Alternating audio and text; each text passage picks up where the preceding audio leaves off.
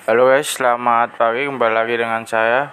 Oke, saya kali ini ingin membahas tentang tutorial cara membuat telur ceplok ya guys ya. Mungkin kalian semua sudah bisa membuat telur ceplok, tapi di sini saya ingin memberikan tutorial bagi kalian yang belum bisa membuat telur ceplok. Ya, membuat telur ceplok itu sangatlah mudah guys. Jadi kalian bisa membuatnya dengan sangat mudah sekali guys Oke langsung saja kita masuk ke topik pembelajaran kali ini. Oke langkah pertama yang harus kalian lakukan adalah kalian harus mempersiapkan bahan-bahannya terlebih dahulu.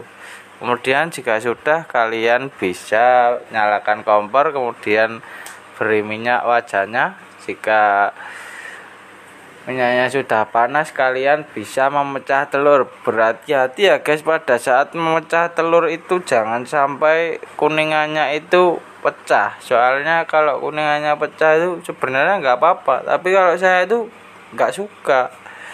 Oke sekian dulu dari saya. Terima kasih